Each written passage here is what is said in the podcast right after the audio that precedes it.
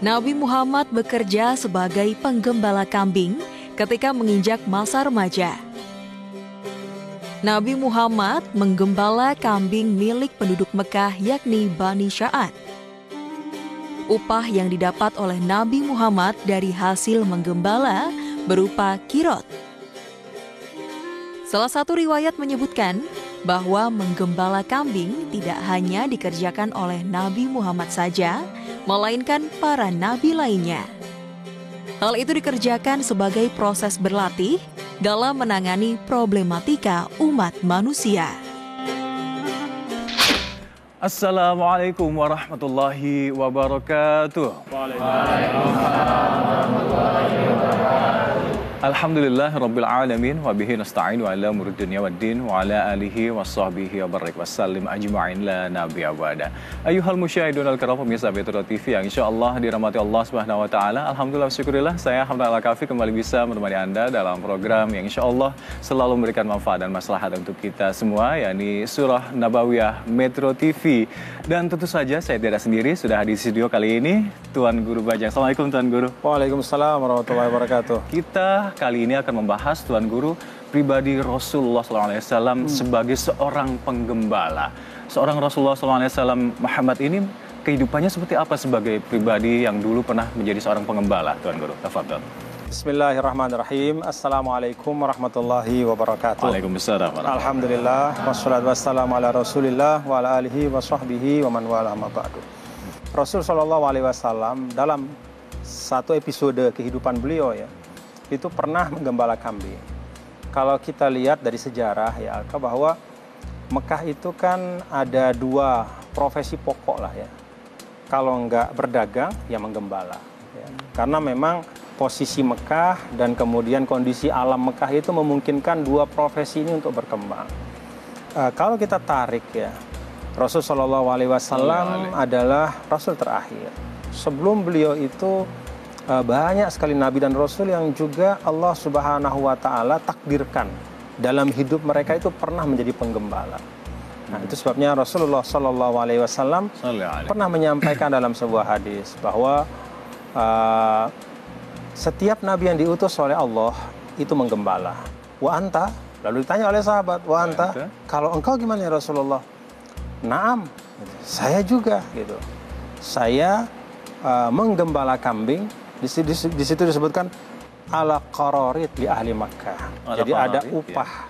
tertentu saya menggembalakan kambing uh, penduduk Makkah. Jadi itu sesuatu yang akrab dalam kehidupan Rasulullah hmm. Shallallahu Alaihi Wasallam hmm.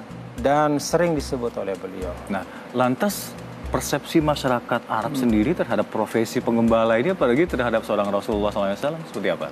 Uh, sebenarnya sih tidak ada persepsi yang khusus ya, hmm. tetapi uh, menjadi pedagang jauh lebih prestis ya bergengsi oh, iya. dibanding menjadi penggembala. Right, right, ya namanya kan menggembala itu bersama-sama dengan hewan. Kadang-kadang uh-huh. kalau misalnya menggembalanya itu adalah kambing betina, ya tentu juga bisa memerah susunya. Right, right. Kemudian kotoran-kotoran hewan dan ya tentu uh, secara umum kalau kita lihat dari uh, struktur masyarakat di Arab zaman dulu, kemudian juga di dalam penjelasan-penjelasan hasanah sastra mereka ya jelas bahwa berdagang itu dianggap uh, lebih, lebih bergengsi, ya. ya, lebih prestisius dibanding iya. menggembala. Tapi kalau kita diruntut uh, kehidupan Rasul sejak mungkin di uh, kecil hingga umur berapa beliau mengembalakan ternak ini?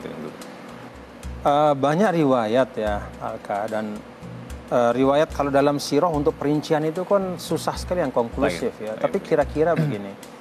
Ketika beliau masuk dalam asuhan Abu Talib paman beliau usia 8 tahun, Abu Talib itu kan mukilan, keluarganya itu keluarga yang agak prihatin gitulah dibanding keluarga-keluarga lain. Anak banyak, pekerjaan juga hasilnya tidak sesuai dengan kebutuhan. Maka uh, Sayyidina Rasulullah SAW pada usia yang sangat belia ya, 8 atau 9 tahun di awal-awal ketika beliau diasuh Abu Talib, itu sudah minta kepada Abu Talib, paman, kira-kira gitu ya. Mm-hmm. Udahlah saya menggembala saja supaya mengurangi beban dari Abu Talib. Kalau menggembala kan dapat upah dan bisa lebih mandiri. Hmm. Sebenarnya berat Abu Talib ya, tapi karena melihat Sayyidina Rasul ini kan orangnya punya apa ya determinasi tinggi gitu loh. Kalau sudah punya prinsip, sangat persisten Iya, ya. jadi- ya. begitu melihat ini sungguh-sungguh nih walaupun belum masih belum sampai belasan tahun, 8 atau 9 tahun diizinkan.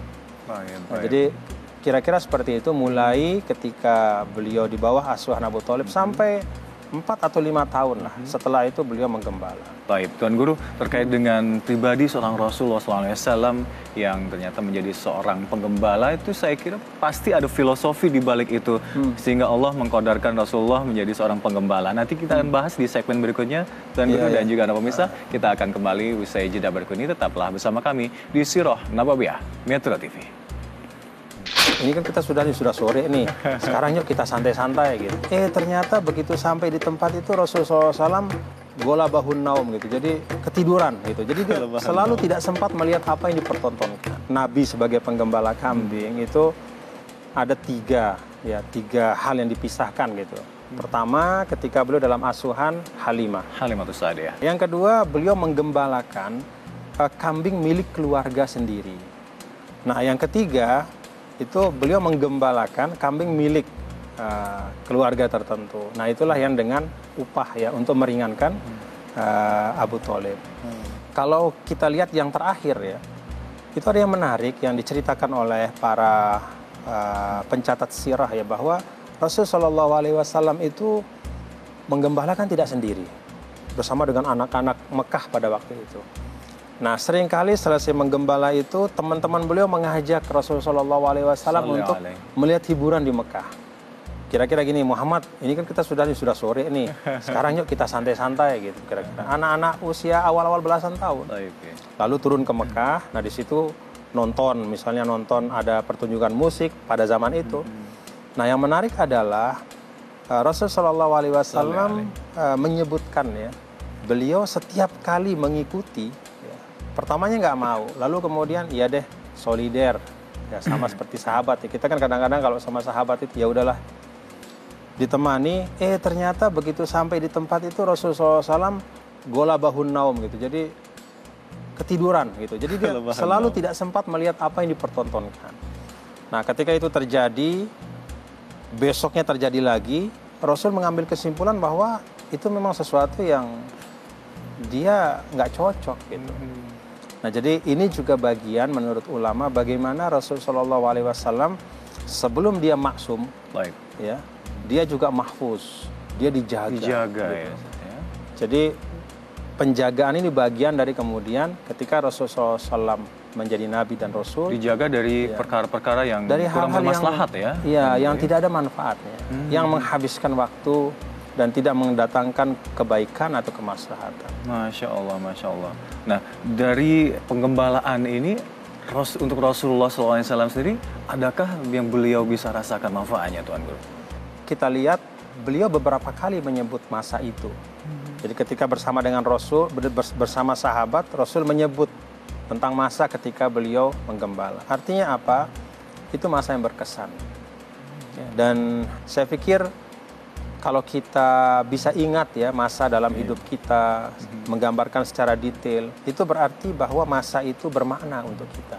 Dan saya pikir banyak hal yang Rasul Shallallahu Alaihi Wasallam menyadari bahwa fase ketika beliau menggembala kambing itu mematangkan kepribadian beliau. Yang kemudian eh, diperlukan ya sebagai seorang nabi dan sebagai seorang rasul. Jadi kualifikasi kepemimpinan ya itu membutuhkan memang eh, apa sifat dan karakter yang salah satu di antaranya bisa diambil atau didapatkan dari menggembala itu. Artinya, dari penggembalaan ini, eh, ada Di situ value- belajar sabar. Hmm, value-nya banyak kan, sekali ya, Tuan kan harus sabar.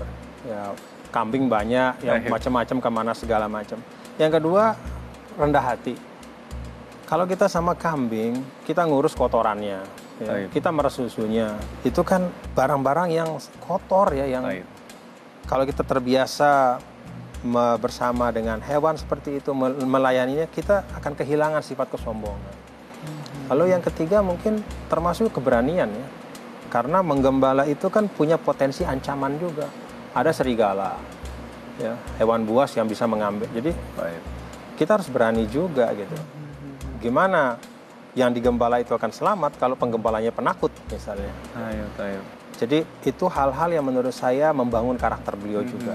Ada kesabaran, ada kerendahan hati, Kerendahan hati. ada keberanian. Keberanian. Dan kalau bicara fase terakhir dari penggembalaan beliau itu menerima upah, saya pikir juga itu membangun karakter berdiri di atas kaki sendiri. Kemandirian ya. Iya, Taib. sejak sangat belia. Masya Allah, Masya Dan Allah. itu kualifikasi yang diperlukan Bagi seorang oleh anak-anak ya. muda kita sekarang. Taib, taib, taib. Ibroh apa yang bisa kita petik dari pengembalaan seorang Rasulullah SAW bila kita tarik dalam kehidupan kekinian kita?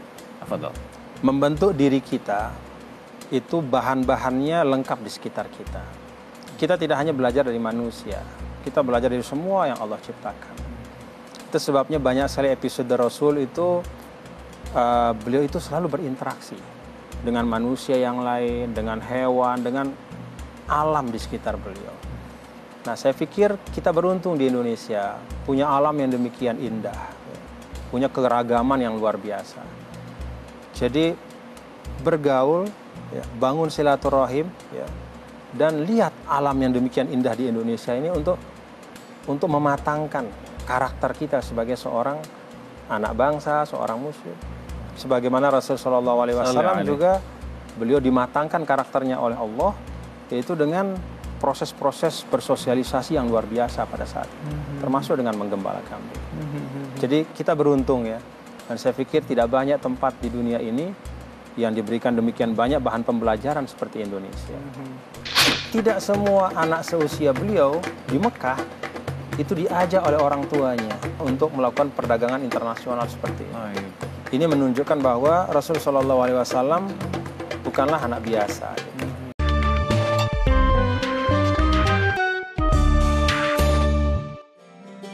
Abu Thalib merupakan sosok paman sekaligus ayah dari Nabi Muhammad.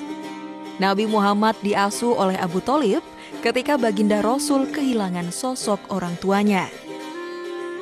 Ketika memasuki usia remaja, Abu Thalib mengajak Nabi Muhammad menuju Syam untuk berdagang. Perjalanan tersebut membuat Nabi Muhammad menjadi pribadi yang mandiri dan memahami ilmu berdagang.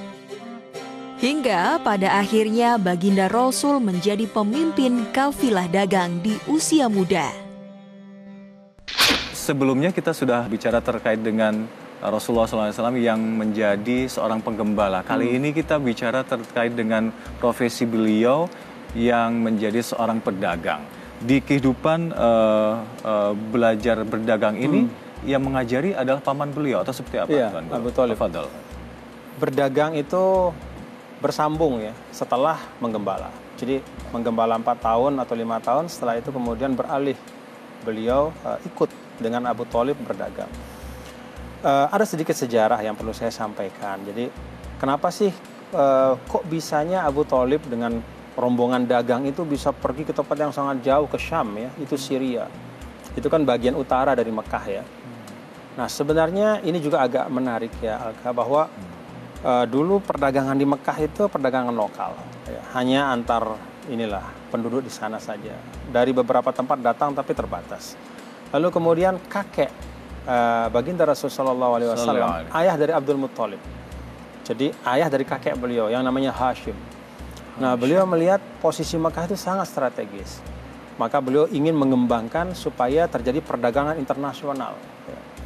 Hambatannya apa? Hambatannya itu eh, di sana kan nggak ada hukum masa itu. Jadi kalau kita keluar dari Mekah, ya hukum rimba gitu. Siapa yang berkuasa di sana? Ya suku yang ada di sana. Demikian seterusnya. Maka yang dilakukan oleh Mahashim Hashim.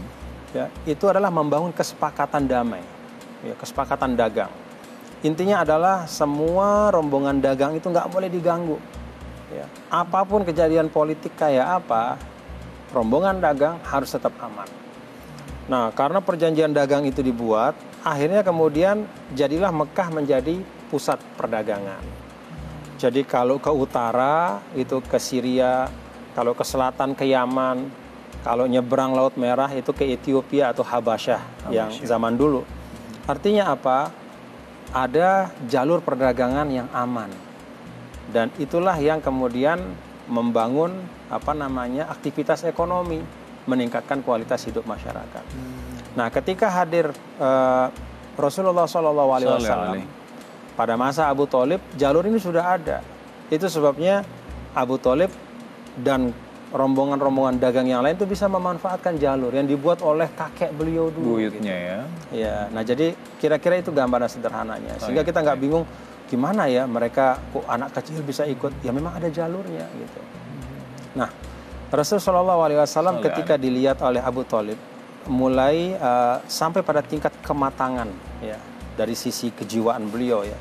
Sudah masuk 12 tahun gagah ya sehat karena biasa uh, apa menggembala kambing biasa di alam ya bukan anak rumahan gitu kira-kira. Berani dibawa oleh Abu Talib. Dibawa uh, tentu bukan sebagai aktor utama pada waktu itu. Jadi uh, fungsi beliau adalah membantu ya uh, pedagang untuk misalnya mengangkat barang kemudian juga menyiapkan air minum membantu pamannya kira-kira gitu. Masuk dalam kelompok dagang. Berangkat ke uh, Syria ya pada waktu itu. Jadi perjalanan yang cukup jauh. Dan sekali lagi tidak semua anak seusia beliau di Mekah itu diajak oleh orang tuanya, keluarganya untuk melakukan perdagangan internasional seperti ini. Ini menunjukkan bahwa Rasul Shallallahu Alaihi Wasallam bukanlah anak biasa. Gitu. Hmm. Apa nilai yang ingin ditanamkan dari paman Rasulullah SAW kepada diri Rasul dari pedagang ini? Saya pikir semua orang tua ya, Abu Thalib itu kan orang tuanya Nabi Baik. untuk masa itu. Semua orang tua ingin mewariskan eh, hal-hal uh, baik dari dirinya kepada keturunannya. Abu Thalib punya kepandaian dalam berdagang. Dan beliau melihat bahwa profesi berdagang itu prestisius, dihormati, dimuliakan. Ingin keturunannya yaitu Nabi Muhammad SAW juga menjadi bagian dari sesuatu yang baik itu. Jadi ini menurut saya sih dalam bacaan saya adalah proses pewarisan nilai dari generasi ke generasi. Jadi nilai itu penting untuk diwariskan, bahkan lebih penting dari harta. Dari harta ya. Jadi nanti kita orang sebagai orang tua juga jangan sungkan-sungkan untuk mengajak anaknya untuk ke tempat profesi kita jika itu ya, memang pewarisan um, nilai itu nilai, lebih ya. penting dibanding pewarisan materi. Masya Allah, masya Allah. Semoga bermanfaat untuk kita semua yang hadir di studio ini maupun juga anda pemirsa yang ada di rumah. Insya Allah selalu bisa memberikan manfaat dan maslahat untuk kita semua dan bisa meningkatkan iman dan takwa kita. Amin ya rabbal alamin. Kita jumpa kembali di episode episode selanjutnya dalam Sirah Nabawiyah Metro TV. Akhirul kalam, wallahu muwafiq ila wamit tariq. Wassalamualaikum warahmatullahi wabarakatuh. Wassalamualaikum warahmatullahi wabarakatuh.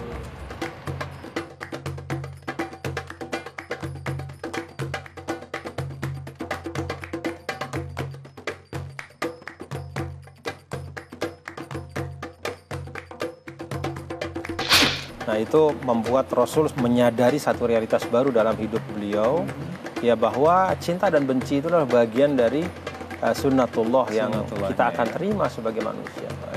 Rezeki dari perdagangan itu disebut dengan karunia Allah.